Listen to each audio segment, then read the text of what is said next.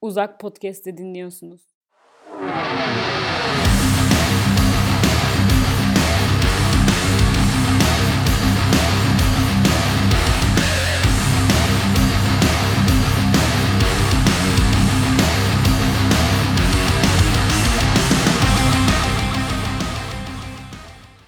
Merhaba, Uzak Podcast'in ikinci bölümüne hoş geldiniz. Alper ben. Bu bölümde de yine Yasin'le beraberiz. Merhaba. Merhaba usta, nasılsın? İyidir Alper. Sen nasılsın? İyiyim ben de. Geçen bölüme göre daha iyi diyebilirim. Evet, bisiklete Ee, bindik çünkü. Evet, bir, bir özlem giderdik Evet. diyebilirim. Ee, şimdi usta ilk bölümde biraz uzak ne yapar, uzak nedir Ee, ve uzak nasıl sürüşler yapar üzerine konuşmuştuk.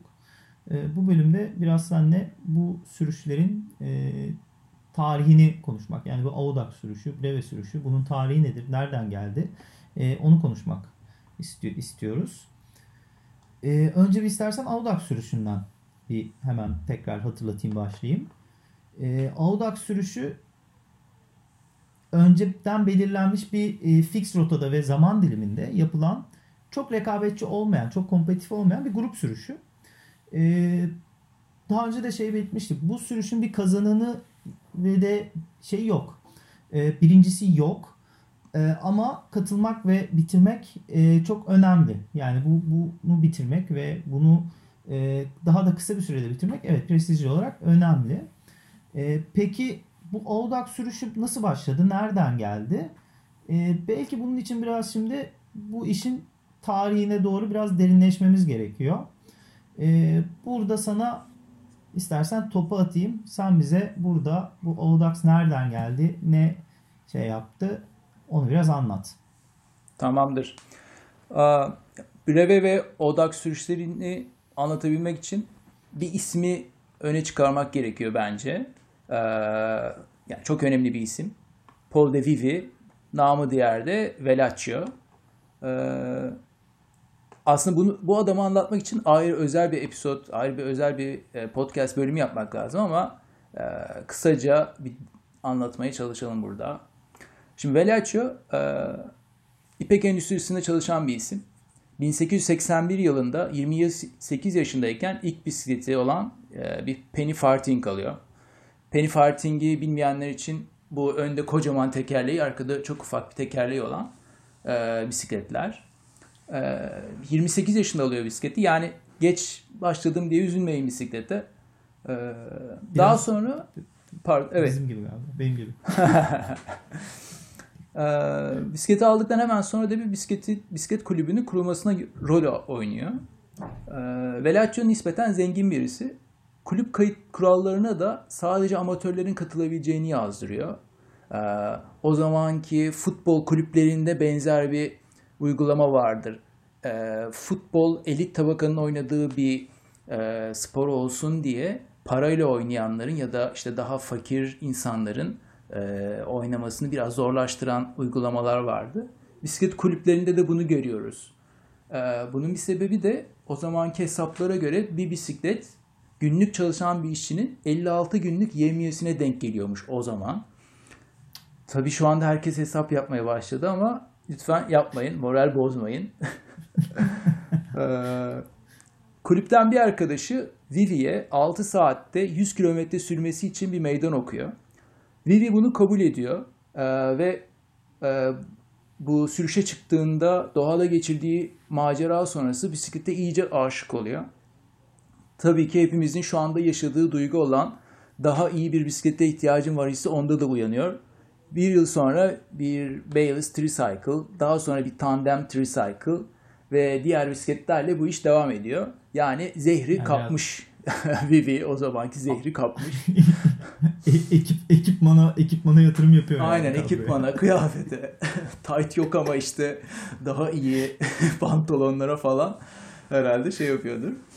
Ee, aynı zamanda ipek işiyle uğraşıyor Vivi. Ee, İngiltere'ye sık sık gidiyor. O zaman bisiklet üretiminin merkezlerinden olan Coventry'ye e, de iş yapıyor Vivi. Sürekli buraya gidiyor geliyor. Buradaki bisikletçilerden ve bisikletlerden etkileniyor. 1873 yılında kurulmuş olan Cyclist Touring Club'a üye oluyor. 1887 yılında e, o kadar etkileniyor ki bu kulüpten, sürüşlerden, bisikletten. 1887 yılında bütün işini gücünü satıyor. Coventry'den Saint Etienne'e bisiklet ithal eden bir iş açıyor. Ve aynı zamanda Les Cyclistes isimli dergiyi başlatıyor. Ee, ve aynı zamanda Fransa'da Touring Club de France'ın da kurulmasına ön ayak oluyor. Bu dönem şeyi görüyoruz sanki değil mi? Bu e, hikayedeki ana et, şeyler, etkenler İngiltere, Fransa, İtalya üçgeninde gidiyor gibi. Yani ilk Audax sürüşlerinden bahsetmiştik geçen e, bölümde. İşte şimdi bir Fransa'daki bir şeyden bahsediyoruz. Bahsedeceğiz birazdan. Bir yandan İngiltere kolu var. Sanki böyle üç o dönemin önemli ana aktöründe bu işler e, hareketleniyor gibi. Evet evet ya e, hani tam otomobillerin oturduğu bir zaman değil. Attan insanları daha hızlı ve efektif bir e, hızlı bir şekilde ulaşımını sağlaması için bisiklet bayağı e, ivme kazanmış. Hem üretimi hem e, kullanımı. E, bu da en çok işte bu ülkeler arasında var. E, herhalde bu bu şekilde sporuna da ve diğer macera kısmına da yayılıyor. E, daha sonra 1889 yılında e, Vivi aynı zamanda bisiklet yapmaya da başlıyor. Atölyesi var. 1889 yılında e, La Galoise isimli bisikletiyle Saint Etienne'in 10 kilometre doğusunda Col de la Republic tırmanışında e, dergisinin okuyucularından birine geçiliyor. E, bu geçilmek ona böyle farklı e, şeyler hissettiriyor. Farklı düşüncelere sevk ediyor. Farklı dişli oranlarına sahip bir bisiklet yapmaya karar veriyor. E, ilk tasarımını yapıyor. Vitesli bir bisiklet için ilk tasarımını. Sağda iki, solda iki ayna kol dişlisine sahip bir sistem var zincirin yönünü değiştirerek e, elle değiştirerek tabii ki e, farklı dişli oranlarına sahip bir bisiklet üretmiş oluyor. Daha sonra 1901 yılında e, İngilizlerin kullandığı planet dişli sistemine sahip 4 vitesli bir Whippet ile birleştiriyor e, bu tasarımını. E, Vivi'nin ilk geliştirdiği arka vitesi 1906 yılında Shimano isimli bisikleti üzerinde görülüyor. Ancak e, Vivi bu tasarımlar için hiçbir patent başvurusunda bulunmuyor. E, ve bisiklet endüstrisini temelden değiştiren bu buluşlardan bir kuruş bile kazanamamış oluyor. E, tabii bu konuda farklı görüşler de var. Bazıları Vivi'nin yeni bir şey bulmadığını, zaten İngiltere'de çoklu dişli orana sahip bisikletler olduğunu söylüyor. Ama bilindik anlamda açık sistem, diş vites sistemini bisikletlere uygulayan ilk adam diyebiliriz. Ee, yine bu vites... O, o, ha çok pardon. Ya o dönem yine işte bu e, bir şeyler üretme e, insanların kendisine koyduğu ne denir gayeden, şeyden e, galiba biraz zorluyor insanlar kendini. Çünkü o mesela çok büyük patent yani şu anki hayatımızı kolaylaştıran ve çok basit görünen e, malzemelerin mekanizmaların baktığında hep çok ciddi bir kısmının 1900 başlarına patentlendiğini görüyorsun. Ee, sanırım işte orada hayatı biraz daha kolaylaştırmak için özellikle de makineyi de daha efektif kullanmayla gelen bir çok ciddi bir e, şey var galiba orada. E, buluş ve inovasyon var. Tabii. Evet. Nispeten basit makineler olduğu için gelişime de açık e, ve yeni yeni bulunan bir şeyler olduğu, olduğundan e, insanlar e, bir fikir ürettiğinde e, onu hemen uygulamaya geçirmişler kolayca. Ee, şimdi tabii o daha zor. Ee, yeni buluş çok az değil mi artık? Yani belki elektronik anlamında falan o tür şeyler gelişiyor ama işte mekanik konusunda çok fazla yeni buluş yok. O yüzden bu tür şeyleri daha az görüyoruz. Orada herhalde evet. o zamanlar her hafta yeni bir şey çıkıyordur. e, e, evet bir de şimdi o dediğini yani hani artık bir o şey sıçramayı mecburen bekliyoruz ki daha üretim kapasitemiz ya da o tarafa doğru bir e, vizyonumuz açılsın. E, o dönem işte hep basit makine, basit makine ama bir dişli sisteminin de bisiklet için ne kadar önemli bir buluş olduğu e, çok ortada yani. Evet. Ee, tabii bu e, vitesli sistemleri geleneksel, geleneksel bisikletçiler e, ilk başta çok benimsemiyorlar. Bunlar fixi kullanıyorlar tabii. Fixi ya da single speed kullanıyorlar o zamanlar. E, hatta bunların başında yani bisiklet tarihi için çok önemli bir adam olan e, yayıncı, eski bir bisikletçi ve Tour de France organizatörü Henry Desgrange da var. E, pek iyi karşılamıyor vitesli bisikletleri ve şöyle bir lafı var. Yani bunları sadece kadınlar ve engeller için uygun olduğunu söylüyor. Biraz sertmiş. Evet. 1902 yılında Fransa'da Touring Club de France'ın düzenlediği bir organizasyonda kadın katılımcılardan olan Martin Hesse 3 vitesli bir Galois kullanıyor. Ee, Ve ayağını hiç yere koymadan turmeleyi tırmanan 4 kişiden birisi oluyor. Ee, Bu 3 vitesle. Üç vitesle. e, ve belki ne kadar akışkan dönebilen e, olmayan rulmanla ağır bir bisikletle turmaleyi tırmanmaktan bahsediyoruz. Bu- bu- bu- Bunu ve 1902'deki beslenme ve insan yapısından bahsediyoruz. Bu çok e, bunun ardından Degrand tokat gibi bir cevap olmuş yani. Bunun ardından Degrand şöyle diyor. Bu testi alkışlıyorum ama viteslerin hala 45 yaşından büyükler ve kadınlar için olduğunu düşünüyorum. Vitesin yardımıyla değil de kaslarımızın gücüyle yolları aşmamız daha iyi değil mi? Gittikçe yumuşuyoruz. Bu testin büyük babalarımız için başarılı olduğunu söyleyebiliriz. Ancak bana sabit dişli bisiklet verin lütfen diyor. Bu herhalde şimdi hani biz böyle elektrikli bisikletler için de aynı şeyi söylüyoruz ya. Acaba zaman gelir de böyle bir dönüşüm olur mu yani? elektrikli vites, şey elektrikli bisikletler e, daha çok kullanımda olur ve bize böyle şey derler mi? Ya baksana onlar da o zaman öyle demişler falan diye. Yani hani hep şeyden bu kadar iddialı beylik konuşmalar bir şekilde kimi zaman e, sana geri dönebiliyor. O yüzden e, çok da şey yapmamak lazım. Bir Evet. yandan böyle beylik konuşmamak lazım. E, bir yandan da şey tabii yani e, ne kadar etkili olduğuna bakmak lazım. Yani şimdi e, bir fixli dişlisiyle de öyle öyle gitmek var. E, işte bir vitesli bisikletle de gitmek var. Onun keyfi de var falan filan ama yani e, böyle şey nereden keyif alıyoruz, ne yapıyoruz? İşte e-bike kime e, yarar sağlıyor? E, orayı da şey yapmayalım ya. Yatsmayalım ya. Evet. Be- beylik konuşmayalım abi. Yarın o, o 35. episod bölümde e, sonra Biz birer elektrikli var. bisiklet aldık diye. custom elektrikli varmış. Valla. Ee, bu Levivi'nin yaptığı buluşlar e, Saint Etienne'de Endüstri ve Sanat Müzesi'nde hala sergileniyormuş.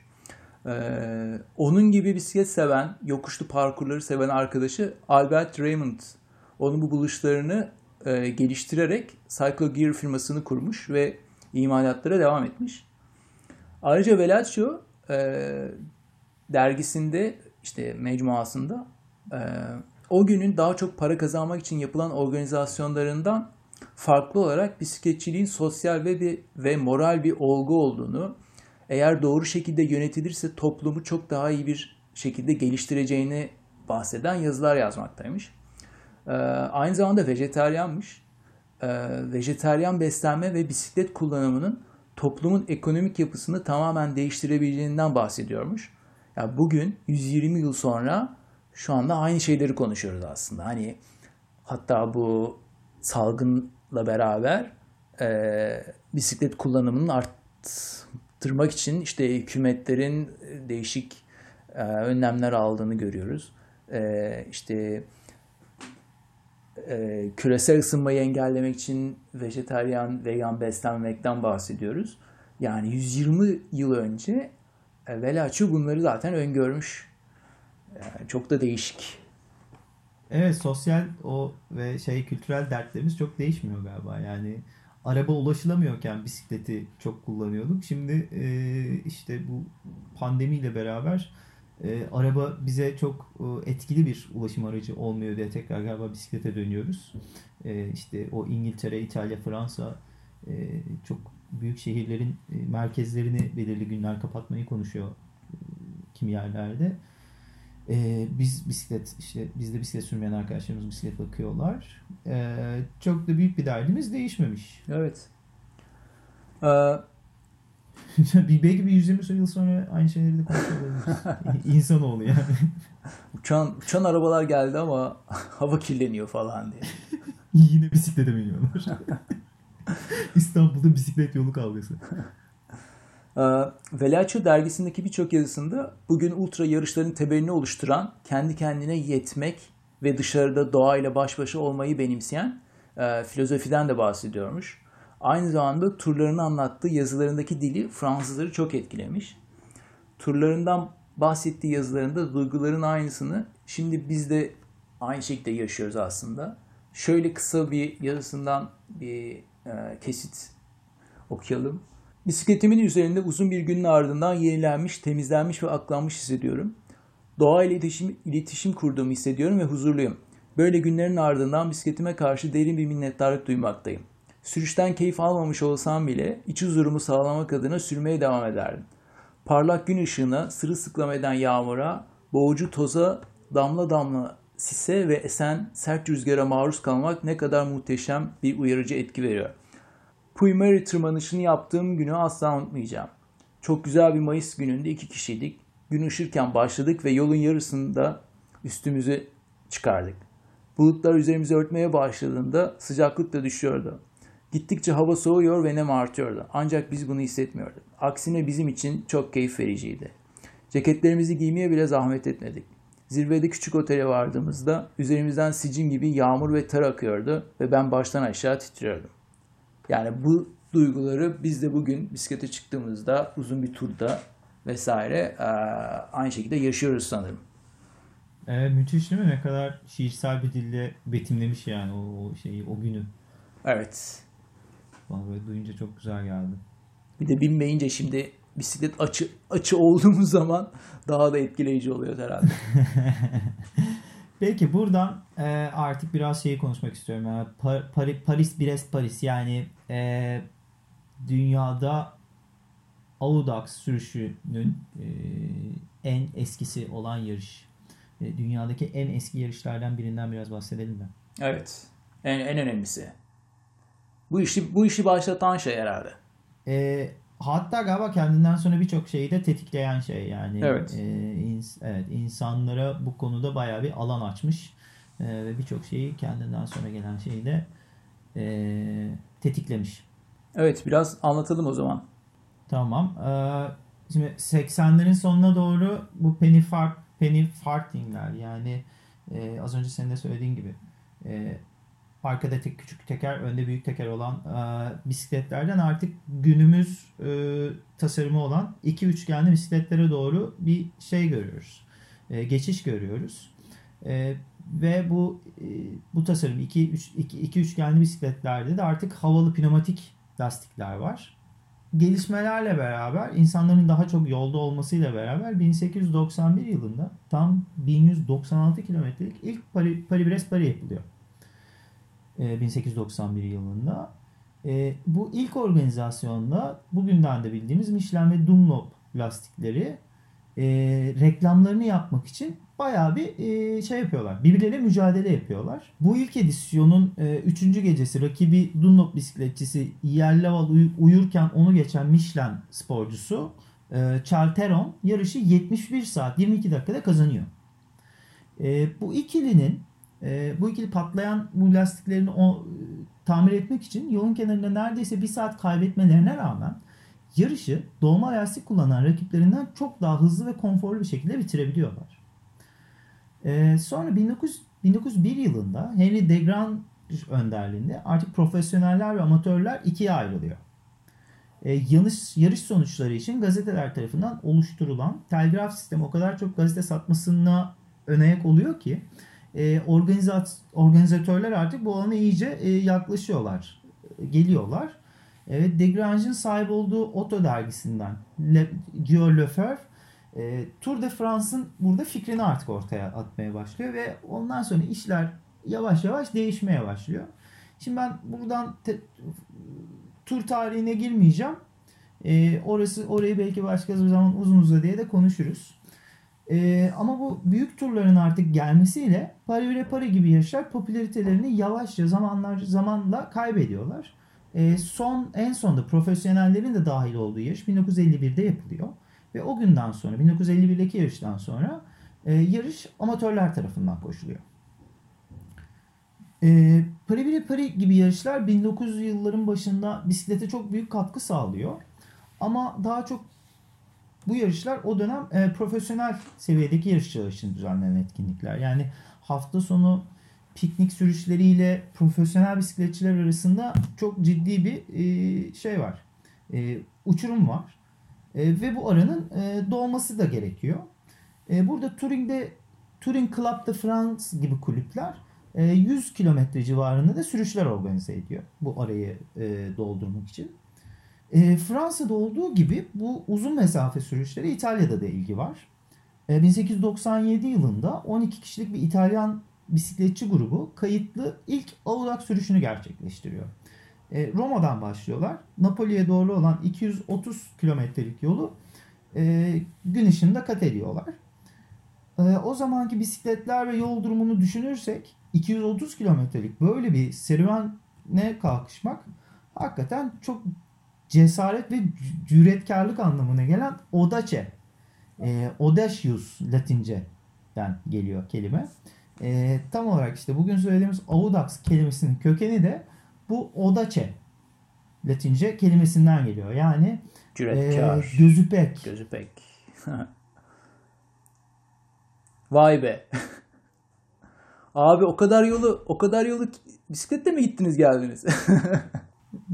Daha şey oradan, mi? Roma'dan, Napoli'ye bisikletle. Roma'dan geliyorsunuz. Be bayağı deli işiymiş. Ee, sonra e, 1904 yılında yine Degrange'la karşılaşıyoruz. Degrange İtalyan Audax İtalya'daki bu Napoli e, Roma e, arası süren e, kulüpteki modelleri alıyor. E, ve Audax Fransa'yı kuruyor. Aslında o modelleri Fransa'ya biraz getiriyor. Ve Audax Fransa sürüşler organize etmeye başlıyor.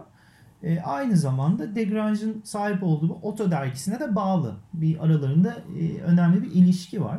Degrange ve Oda kulübü Gavyon'a gidip dönülen 200 kilometrelik bir sürüş organize ediyor. E, kaptanlar var bu sürüşte. Kaptanların eşliğindeki gruplar var. E, katılımcılar 18 kilometre saatte e, bir hıza uyuyorlar ve kaptanlarla beraber grup grup bu sürüşleri tamamlıyorlar. E, ve bu sürüşleri bitirenlere de Breve'de ODAX denilen bir sertifika veriliyor. E, sürüşler yine yardımsız. Dışarıdan yardım alınmıyor. E, ve bu breve kavramı da bu sertifikada bugünkü aslında breve sürüşlerine daha sertifikalı sürüşlere o işte geçen de konuştuğumuz e, kaşeli sürüşlere e, atası oluyor Evet. diyebilirim. Evet. Breve kısaca breve deniyor sürüşlere yani. Evet. Bu e, bu sürüşe de 37 kişi katılıyormuş. Katılmış ilk sürüşe. 29 tanesi bitirmiş e, bütün parkuru. E, sürüşün kaptanı olan e, Charles Storm e, yine bu derginin çalışanı, Oto dergisinin çalışanı ilk sürüşün madalyasıyla ödüllendirilmiş. E, bu nişan gazete sayfalarından ilhamı sarı renkte olmuş. Yani böylece o dönem sarı renk Fransız odak sürüşleriyle özdeşleşmiş. Aynı e, Tour de France'ın e, gazetenin sarı rengiyle mayosunu e, özdeşleştirmesi gibi. E, bugün hala e, 200 kilometre breve madalyası sarı renkte. E, aslında sarı mayonu ilk e, gördüğümüz referans verilen yerlerden biri. Çünkü orayı da organize eden e, Degrange ve gazetesi, dergisi burayı da organize ediyor. Evet. Bir yandan işte hep dediğim gibi birbirlerine böyle e, göbek bağıyla bağlılar. Yani bir organizasyon kurulmaya çalışıyor, kuruluyor ve hep birbirlerini tetikleyen e, 100 yıllık çok büyük bir ülke tarihine e, etki eden e, ciddi bisiklet. Yani bisiklet çok basit bir, bu kadar primitif bir alet ve bir kültürü neler aslında değiştirebiliyor. Evet. Ve hani şöyle düşünüyorsun. e, Aynı kafa adamlar o zaman da var. Hani biz de burada şimdi bu odak sürüşleri yapmaya çalışıyoruz ve yine böyle yakın kafada adamlar bir araya gelip sürüyor. Çok enteresan değil mi? Yani e, şeyler çok teknoloji ne kadar ilerlemiş olsa bile e, alınan haz, o zevk herhalde aynı yani. O zaman da aynı, şimdi de aynı. Evet yani keyif de aynı. Az bir öyle dert de dert de aynı. Evet. Ee, Açlık yüz yıl değişmiyor. evet aç, açlık değiş açlık ve keyif çok değişmiyor gibi. Evet. Çok güzel söyledin. Ee, bu sürüşlerde başarılı olan bir grup bisikletçi aynı sene 30 Kasım'da Oda Club, Oda Club Paris'ieni kuruyorlar. Ve Degrange adına bu sürüşleri organize etmeye ve e, bu kuralları belirlemeye başlıyorlar. İşler çok uzun süre iyi gidiyor. Binlerce bisikletçi kulübe kayıt yaptırıyor. Sürüşler e, organize edilmeye devam, yapılmaya devam ediyor. E, 300-400 kilometrelik artık sürüşler yapılıyor. Fakat 1921'i gösterdiğinde tarihler e, Pari- orijinal Paris-Roubaix rotasını keşfeden Le Eco des Sports dergisinin e- editörü Victor Breve Oda Club Paris'in kendi yarışlarının düzenlemesi için yardım talep ediyor. E, kulüp buna hayır demiyor. Fakat Degrange'in sahibi olduğu Oto dergisinin e, rakibine yapılan bu yardımda çok fazla tabii ki e, hoş karşılanmıyor onların. Ve yollar ayrılıyor. E, bu ayrılığın bir başka sebebi de var. O da yol kaptanlarının ortalama hız kurallarına uymayışı. Yani küçük bir e, isyanda var diyebiliriz galiba yolda kaptanlar tarafından. Evet. Burada bir şey söyleyeceğim. Herhalde yani Degrange aynı zamanda Tour de France'ı da organize ediyor. Ee, Tour de France'da yarışmacılık olmasına rağmen bu Odaks'larda herhalde bu yarışmacılığı çok istemiyor.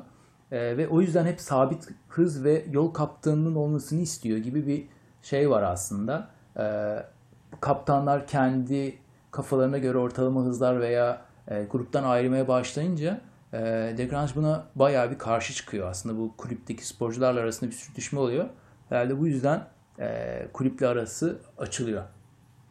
Evet olabilir tabii bu, bu sü- sürede çünkü hala profesyoneller yarışıyor Paris ve Paris'te.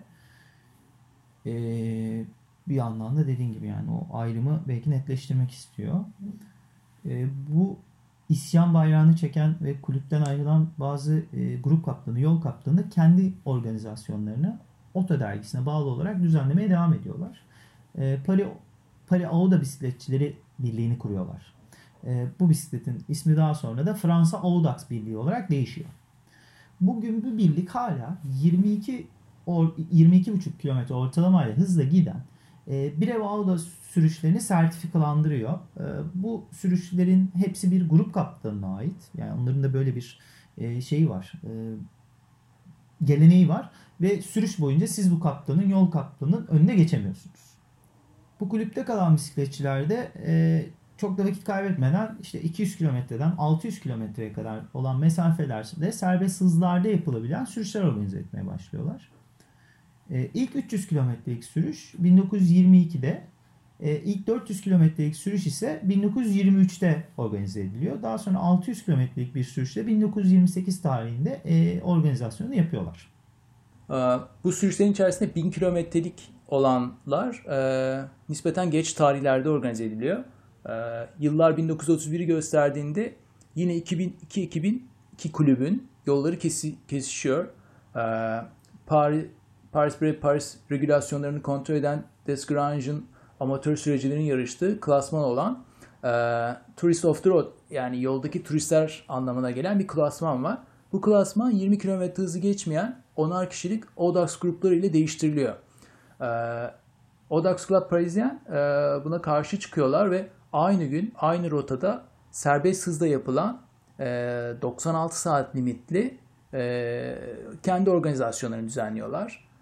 E, bu sürüşte erkeklerin yanında kadınlar e, ve karışık tandemler de e, katılıyor sürüşe. E, böylece iki kulüp e, şeyi başlatıyorlar. Yani bugün de hala devam eden ayrı e, sürüş tarzlarında e, ki bu uzun sürüşleri e, başlamasına neden oluyor bu bu Paris Brave Paris 1931'deki. Bir yandan bu ayrılık bayağı ciddi bir çeşitlilik getiriyor sanırım. Çünkü bir taraf e, bir e, grupla beraber sürmeyi e, öne grupla beraber sürme e, disiplinini koyuyorken diğer grupta bir e, saat limiti olan e, kadınların da e, beraber yarıştığı tandemin de geldiği e, şey e, kuralları getiriyor ve bir anda ortalık e, çok güzel bir renkli panayıra dönmüş durumda. Evet yani sonuçta şöyle bisiklete bindikçe insanlar gelişiyorlar ve grup kaptanlarına karşı çıkanlar kesin oluyordur sürüşlerde. Kendi hızını arttırmak isteyen vesaire. Bunu engellemenin yolu yok. Yani bizde de oluyor mesela değil mi? Sürüşe çıkıyoruz. Tabii. Gruptan hızlı gitmek isteyen oluyor. Grubun önüne sürekli atak çeken oluyor falan. Ee, insanları kelepçeyle şeyle bağlamanın imkanı yok. Ee, o yüzden e, kes, kesin bir şekilde ayrılmışlar. Paris bir Paris e, bu artan ilgi nedeniyle 5 yılda bir yapılmaya başlanıyor daha ilerleyen tarihlerde. Ee, her sene yapmak kaldırmıyor herhalde hem organizasyonları hem de insanların zamanı başka şeylerle almaya başlıyor. Çünkü bir sürü yarış var. Ee, şu anda Odax ile Randon, e, Randonneure'a da döndü. Randonneur da tabii ayrı bir tarif ama bunların hepsi birçok ülkede beraber kullanılıyor. Birbirine geçmiş isimler. İşte Audax ile Randonneur breve e, keskin bir tanımlamayla ayrılamıyor bu isimlendirmeler. E, şu anda bir gün arayla start veriliyor bu Paris bir Paris'te. Şimdi usta bir yandan da şeye burada değinmek istiyorum. Hep biz en başından beri dedik ya işte bisiklet neden ulaşılabilir, neden o dönem bu kadar arttı gibi yerlerden. Bu iki dünya savaşında bu ülkeler çok ciddi tekrar yapılan, yapılanıyorlar. Endüstrileri tekrar ayağa kalkıyor, gelişiyor.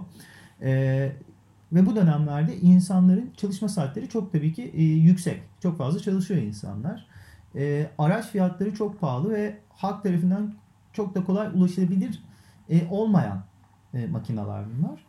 E, o dönem bisiklete de ciddi tabii ki talep oluşuyor.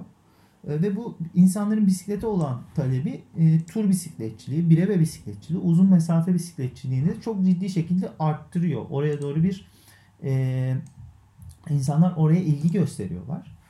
E, ve bu talebi gören bisiklet üreticileri de halkın dikkatini çekmek için e, yeni teknolojik gelişmelere odaklanıyorlar. İşte ne yapıyorlar? Alüminyum gövdeler geliştiriyorlar.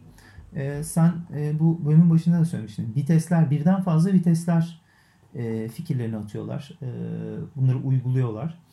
E, ve o dönem e, konkur de machine denilen yarışmalar düzenliyorlar.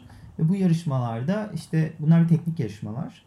E, ya siz konseptinizle başvuruyorsunuz ya da yaptığınız ürünle başvuruyorsunuz. Ve o dönem bu yarışmaları desteklenmesi çok popüler. Yani çok ciddi bir bisiklet üzerinden bir teknolojik atılım var. Çok ciddi bir üretim var. E, ve bu konkurlarda bisiklet bisiklet üretiminin gelişmesini çok çok ciddi bir şekilde e, öne yak oluyor. Belki buradan böyle bir alan açayım. E, bu senin de profesyonelliğin olduğu için e, bu konkurları, o dönemki bisikletin gelişimini, tekniğini uzun uzadıya konuşmak gibi bir bölüm yaparız. Ne dersin? Evet olabilir. Hala e, yapılıyor bu organizasyon. Yarışma diyelim. E, işte belli bir e, puanlama sistemi var.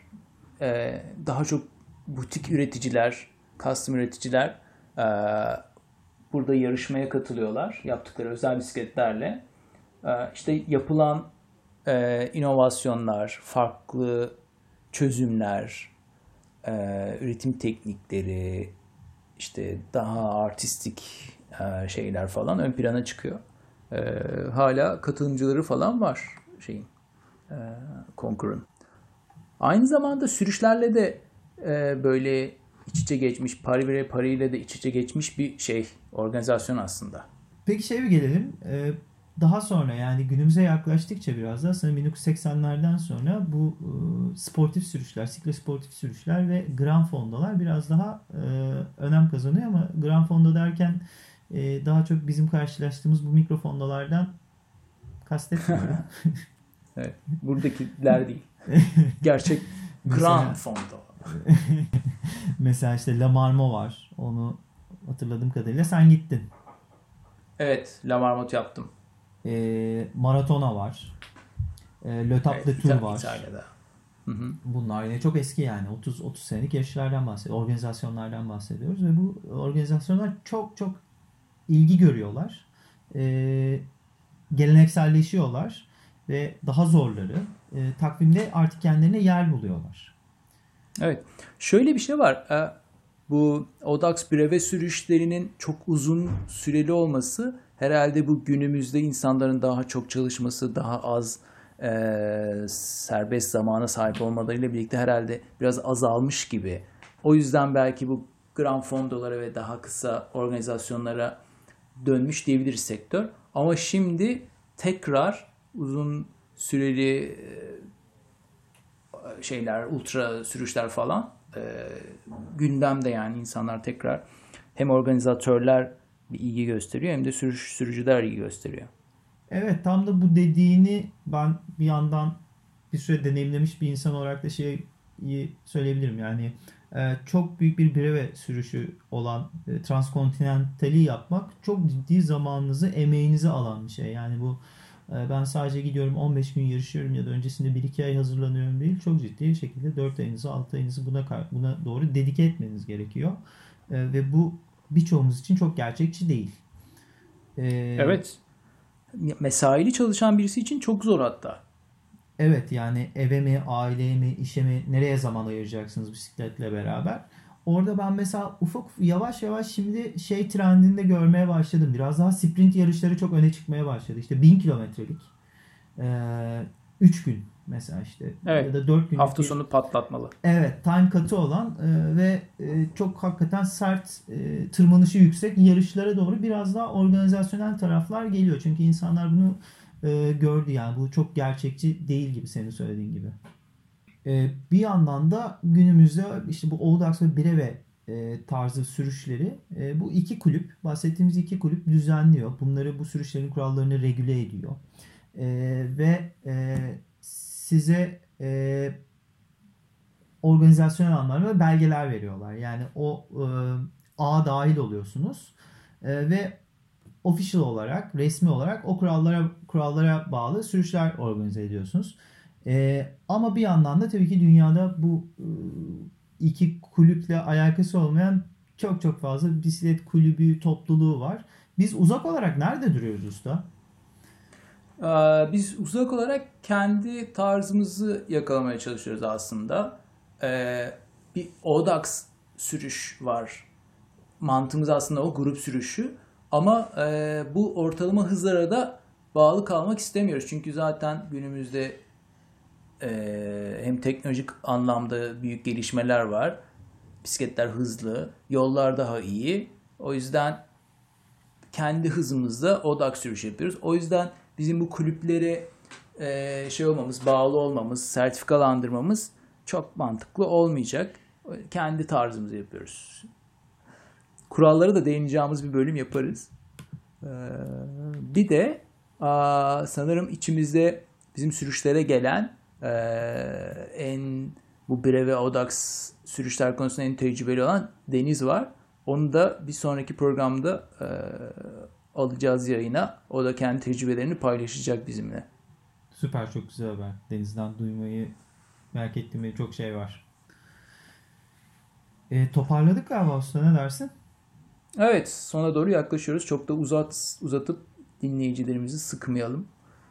Ee, konsantrasyon biliyorsun 15-20 dakikadan sonra zaten gidiyor. Evet burada bu bölüm biraz tarihe ve bilgiye de e, değindiğimiz için böyle biraz e, bilgi yığın, yığında bırakmış olabiliriz.